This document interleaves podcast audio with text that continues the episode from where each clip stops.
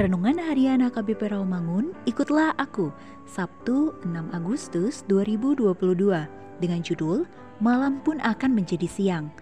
Bacaan kita pada pagi ini tertulis dalam Yakobus 2 ayat 11 sampai 17.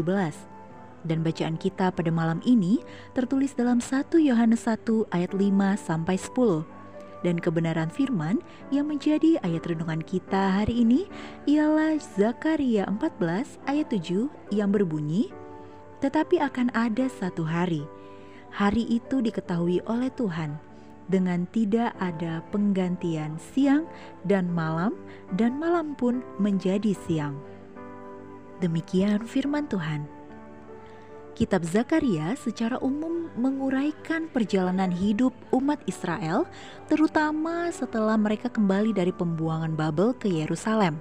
Dan pasal 14 ini secara khusus merupakan uraian tentang keberadaan kerajaan Mesias di masa depan. Itulah Yerusalem baru, tempat keadilan Allah yang mengalahkan kejahatan bangsa-bangsa, sekaligus melawan pemberontakan di hati umatnya Yerusalem baru itu menjadi titik kumpul semua bangsa sebagai Taman Eden yang baru, tempat Tuhan memulihkan segenap umat maupun ciptaan. Bumi digambarkan sebagai kegelapan dan kuasa yang menyesatkan manusia. Namun, di tengah kegelapan itu, Tuhanlah yang sungguh-sungguh berkuasa.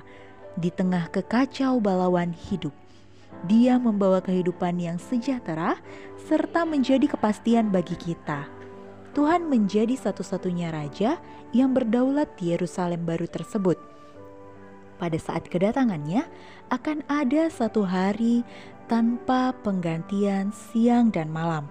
Malam akan menjadi siang, kegelapan pun akan menjadi terang.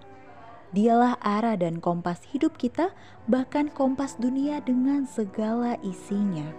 Dialah Allah yang telah mengutus anaknya Yesus Kristus untuk keselamatan dunia ini.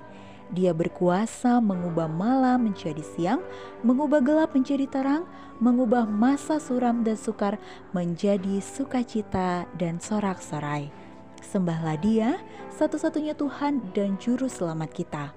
Dialah juga kompas hidupmu, nahkoda rumah tanggamu, dan penuntun sejati dalam segenap kehidupan Amin.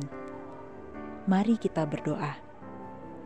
Ya Tuhan, Engkaulah kompas hidup kami, bahkan kompas dunia ini dengan segala isinya.